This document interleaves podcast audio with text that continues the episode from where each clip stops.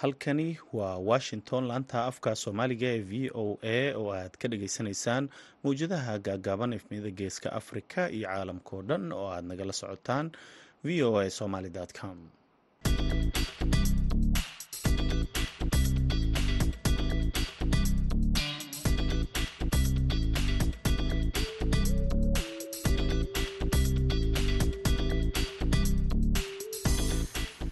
duhur wanaagsan dhegaystayaal. Waa maalin isniin ah bisha nofembar waa toddobo sannadka laba kun iyo labayolabaatanka idaacadda duhurnimo ee barnaamijka dhallinyarada maanta waxaa idinla socodsiinaya anigoo ah cabdulqaadir maxamed samakaab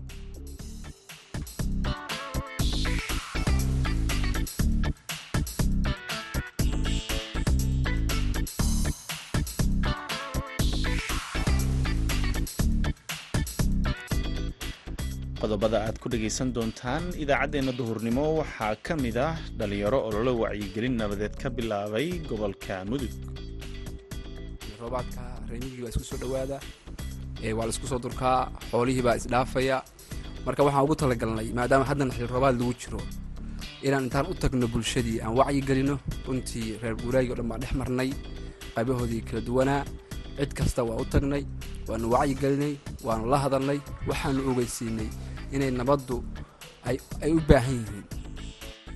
Waxaa kaloo dhegaysan doontaan faahfaahin ku saabsan abaalmarin la guddoonsiiyey dadka bulshada u adeega ee degmada qardho ee gobolka bari. Kaalmihii heesaha iyo ciyaaraha ayaad sidoo kale maqli doontaan balse intaasoo dhan waxaa ka horreeya warkii dunida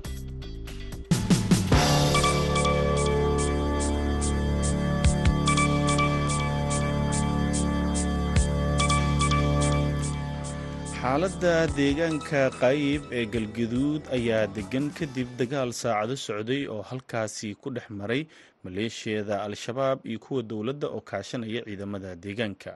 Wasiirka warfaafinta galmudug ayaa v o a u sheegay in dagaalkaasi ay guulo ka gaareen islamarkaana ay jebiyeen maleeshiyada al-shabaab ee weerarka ku qaaday fariisimo ciidamada galmudug iyo kuwa deegaanka ay halkaasi ku lahaayeen ilo kala duwan oo v o a ay la hadashay ayaa u sheegay in dagaalka maanta uu geystay khasaare nafeed oo soo gaaray dhinacyadii dagaalamay iyo burbur hantiyadeed oo gaaray xaruntii isgaarsiinta deegaanka oo qarax lala beegsaday.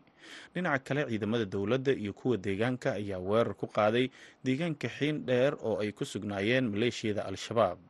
Dagaalka maanta ee qayb ayaa qayb ka ah dagaalada dowladda soomaaliya maamul goboleedyada iyo bulshada deegaanka oo iskaashanaya ay kula jiraan kooxda al-shabaab oo xooggiisa uu ka socdo gobollada hiiraan shabeellaha dhexe iyo galgaduud.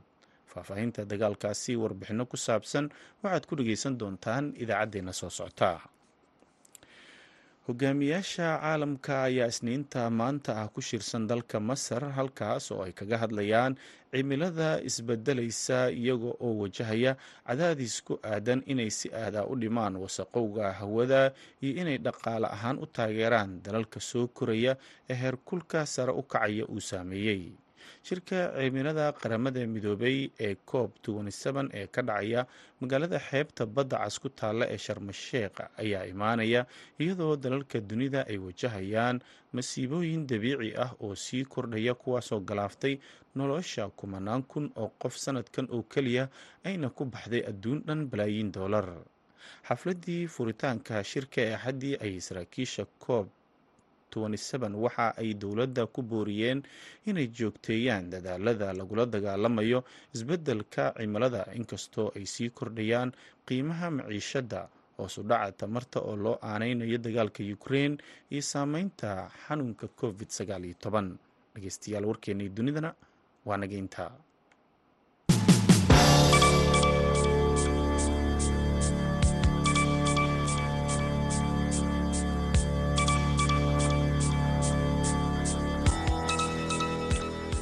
halka aad warkaasi ka dhageysanayseen waa idaacadda v o a oo idinkaga imaaneysa washington duhur wanaagsan mar kale dhegeystayaal magaalada qardho waxaa lagu qabtay xaflad lagu abaalmarinayo dhallinyaro loo aqoonsaday inay bulshada kaalin weyn kaga jiraan kuwaasoo isugu jira kuwo ganacsiyo soo kordhiyey kuwo samafalka ka shaqeeya iyo kuwo kale.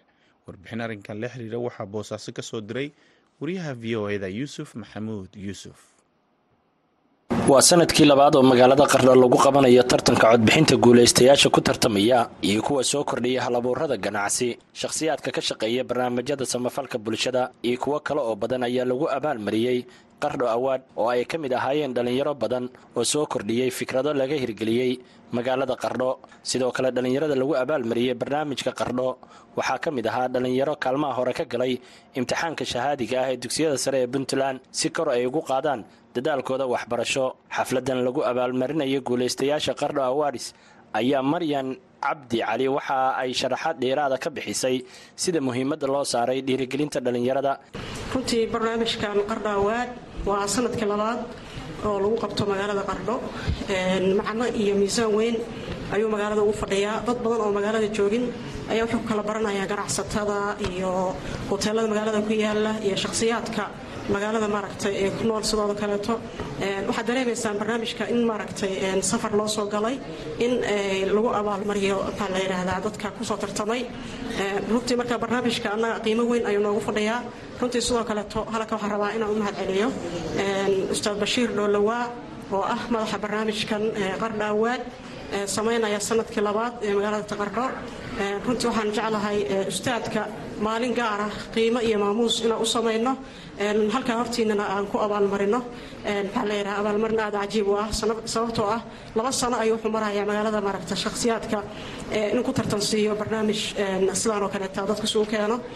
Ustaad kuma ilaawen insha allah waxaan rajaynayaa maalin in maaragtay halkan aan kuu guddoonsiino hadiyado iyo ma garanaysaa abaalmarin cajiiba. Qof kastoo guulaystay waxaan leeyahay hambalyo raage cabduqaadir maxamuud oo ka mid ah aqoon-yahanada iyo xildhibaanad fawsiye siciid cali oo ka mid ah xildhibaanada golaha deegaanka ayaa dhiirigeliyey dhallinyarada lagu maamuusay kulankan iyagoona sheegay in dhammaan dhallinyarada ay wada guulaysteen.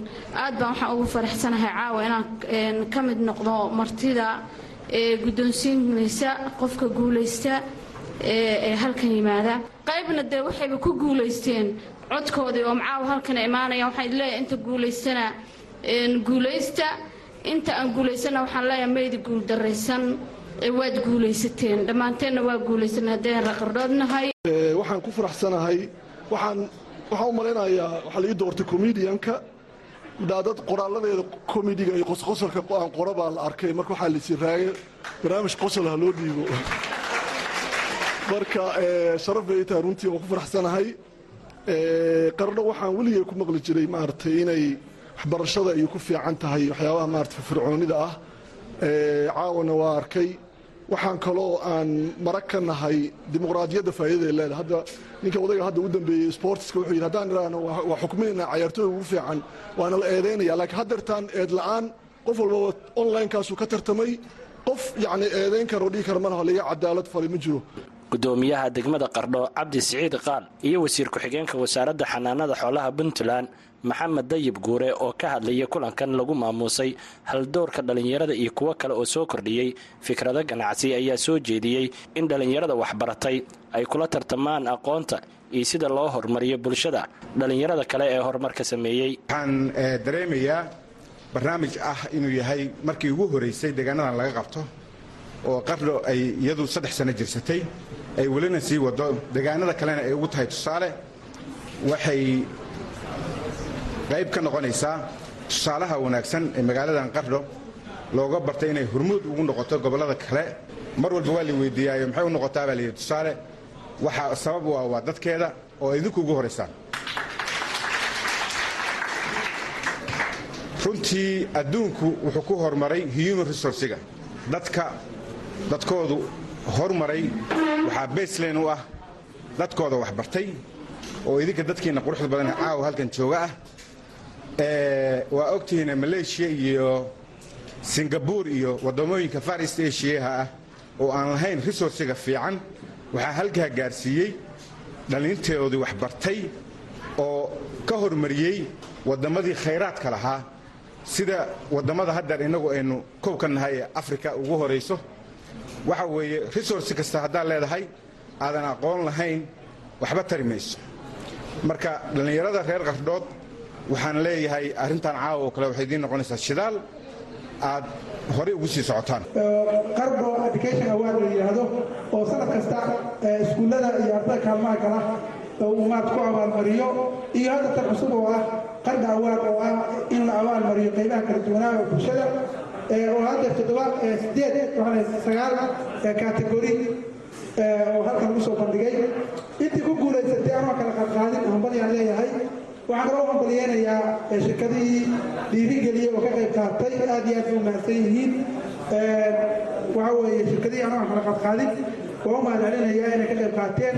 Inta ka soo qayb gashay oo waktiga soo bixisay oo u soo safartayna waa u mahadcelinayaa oo raage iyo xidig agaasim xidig ugu horeeyaan inta u tartantay oo juhdiga gelisana waa hambalyeynayaa inta isku dayday oo aan hadda ku guulaysanna saaxiibadood baa u guulaystay hambalyaan leeyahay iyaga rucadooda barnaamijkan lagu abaalmarinaya dhallinyarada guulaystay ayaa isugu jira wiilal iyo gabdho kuwaasoo la siiyey billado ay ku mutaysteen doorkooda wanaagsan ee bulshada ay u qabteen iyadoo sannadkii labaad abaalmarintan ay ku soo baxeen gabdhihii ugu badnaa ee hirgeliya fikrado ganacsi iyo weliba kuwa ka shaqeeya barnaamijka samafalka bulshada.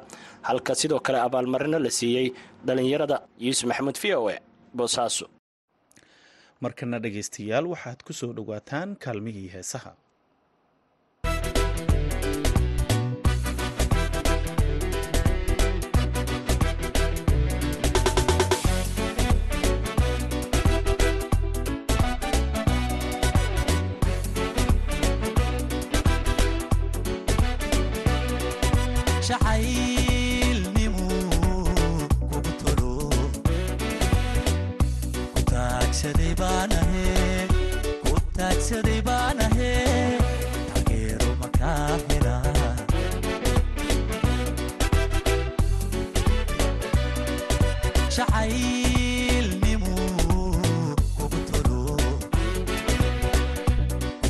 taagsaday baan ahay u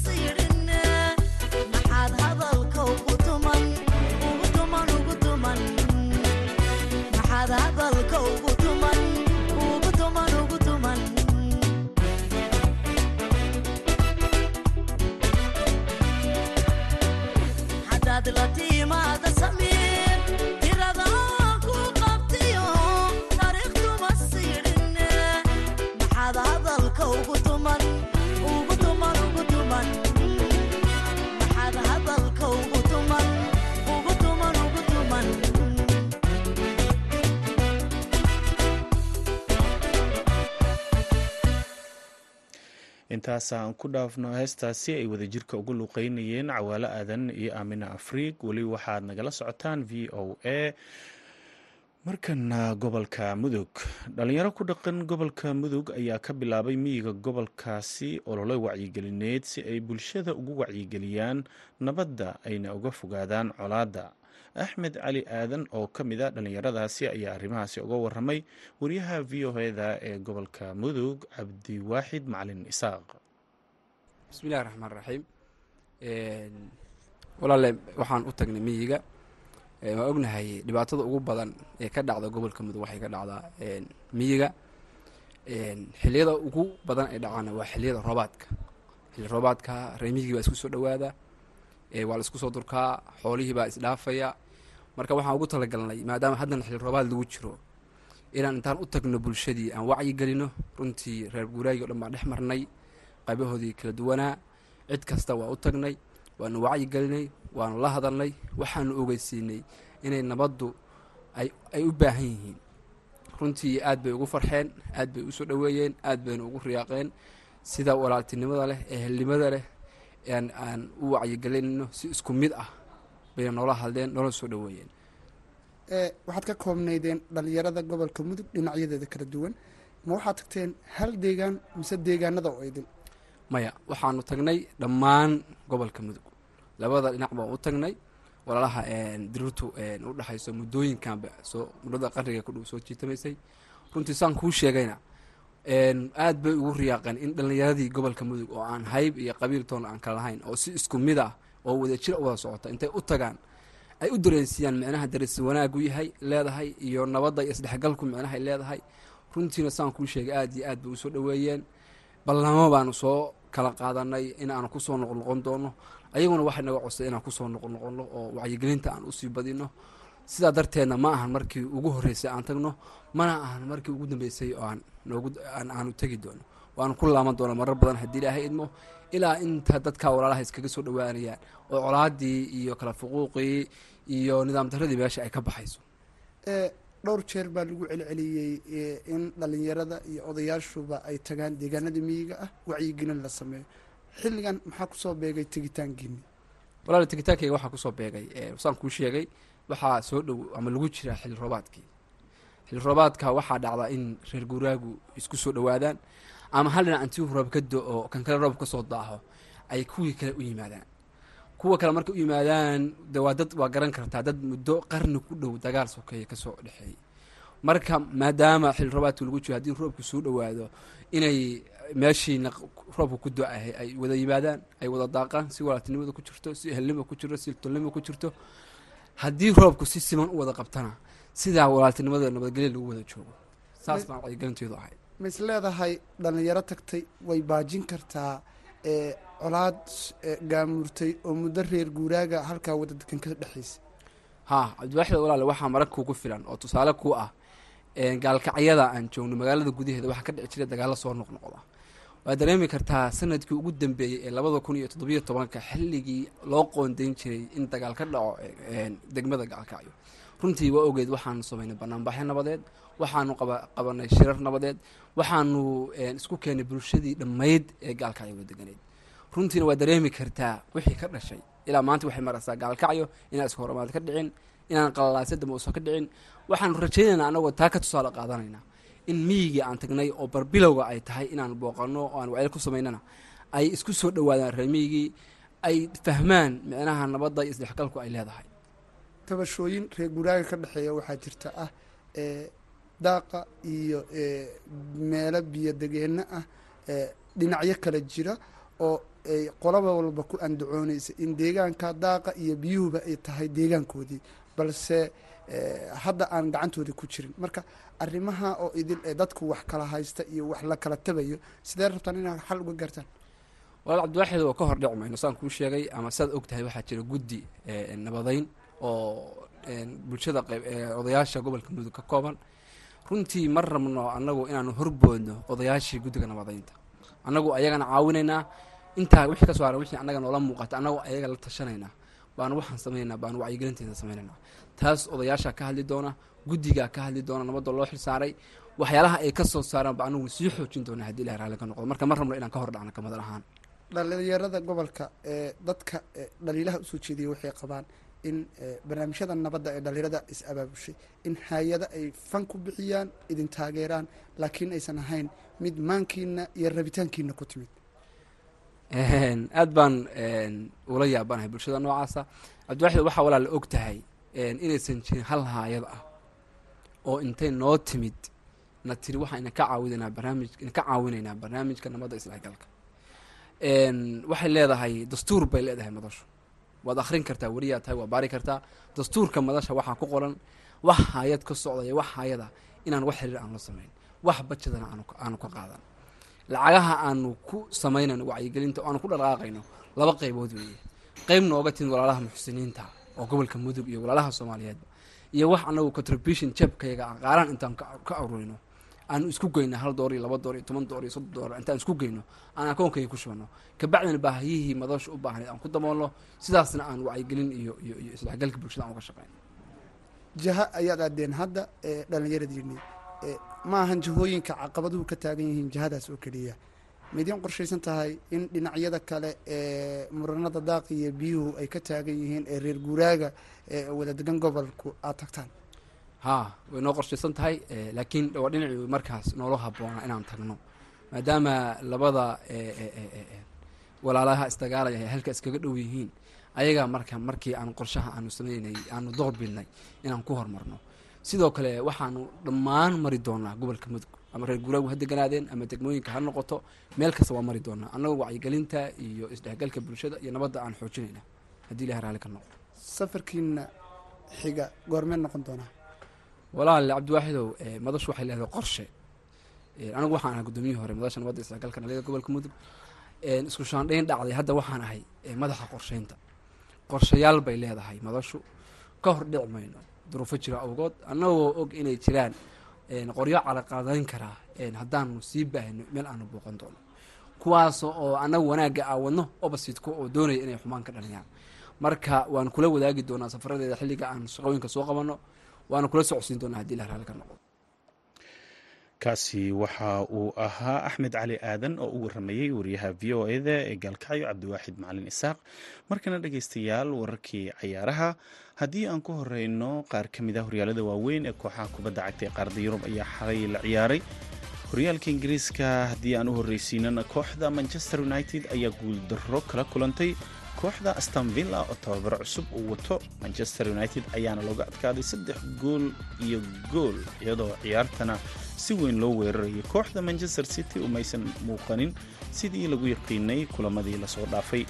Goolasha saddexda ah ee astonvilla ay dhalisay iyo kan manchester united baa afarta goolna waxaa dhaliyay saddex ciyaartooy oo kooxda astonvilla taasoo ka dhigan in kooxda manchester united weerarkeeda aada u liitay kulankaasi ramsey dinie iyo bailey ayayna kala ahaayeen. Saddexda gool astonvilla kuwa u dhaliyey halka ramsey uu goolka manchester united ay keensateen uu isaga iska dhaliyey southampton waxaa afar iyo hal uga badisay kooxda newcastle united oo la celin kooxda southampton guuldaradaasi waxay keentay inay ceeriyaan tababarahoodii raf hoslet kaas oo ay markaasi sheegeen in hoos u dhaca kooxda darteed loo ceeriyay westham laba iyo hal waxaa uga badisay crystal palace. Liverpoolna waxa ay laba iyo hal uga badisay kooxda tottenham laakiin ciyaartii ugu kululay toddobaadkan waxay dhex martay kooxaha arsenal iyo chelsea. Kooxda arsenal ayaana hal iyo eber ku badisay. Dhinaca dalka sbainna kooxda atletic madrid iyo sbanyol ayaa hal iyo hal isla dhaaf waayey real sociedad iyo valencia hal iyo hal ay ku kala baxeen. Villarealna waxaa labi eber uga badisay mayorka real batis iyo zavilla hal iyo hal isla dhaaf waayeen. Hal ciyaar ayaa maanta dhacaysa waxay u dhexaysaa real madrid iyo rio volcano ayay u dhexaysaa ciyaartaasi. Dhinaca siriaga dalka talyaanigana kooxda roma ayaa guuldaro la kulantay. Hal iyo eber waxaa uga badisay kooxda isku magaalada yihiin ee lazio. Juventusna waxay labi iyo eber uga badisay kooxda inter milan. Fiorentina waxay labi eber uga badisay samdoria halka monza ay labi eber uga badisay kooxda kale ee verona horyaalka siriaga ayaa waxaa hogaaminaysa kooxda napoli oo la celin layahay. Horyaalka ingiriiskana kooxda arsenal ayaa dib ugu laabatay hogaanka dhegaystayaal wararkeennii cayaaraha waa naga intaa markana waxaad ku soo dhowaataan kaalmihii heesaha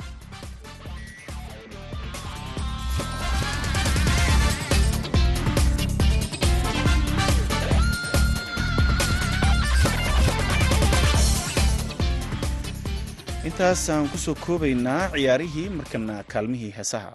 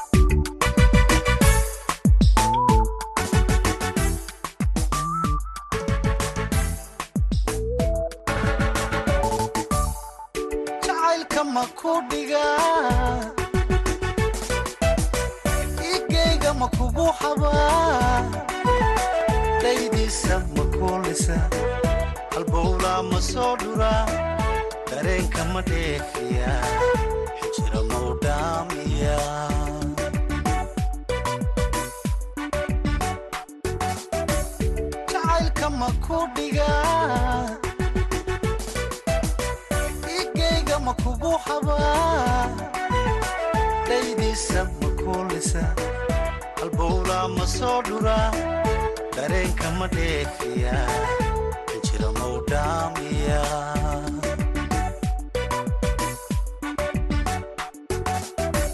xubbiga mau dhiidhina ditada mau dhaadhana qulubta ma wadaadhayna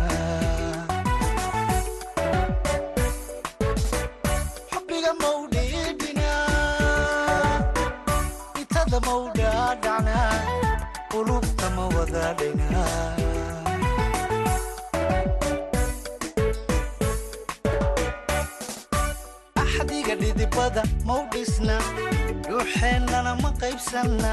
Axdiga dhidibada mau dhisna dhuuxeennana ma qaybsanna. Dhallaan ma barbaarina daayaha ma ku doogsanaayo. Nolosha nolosha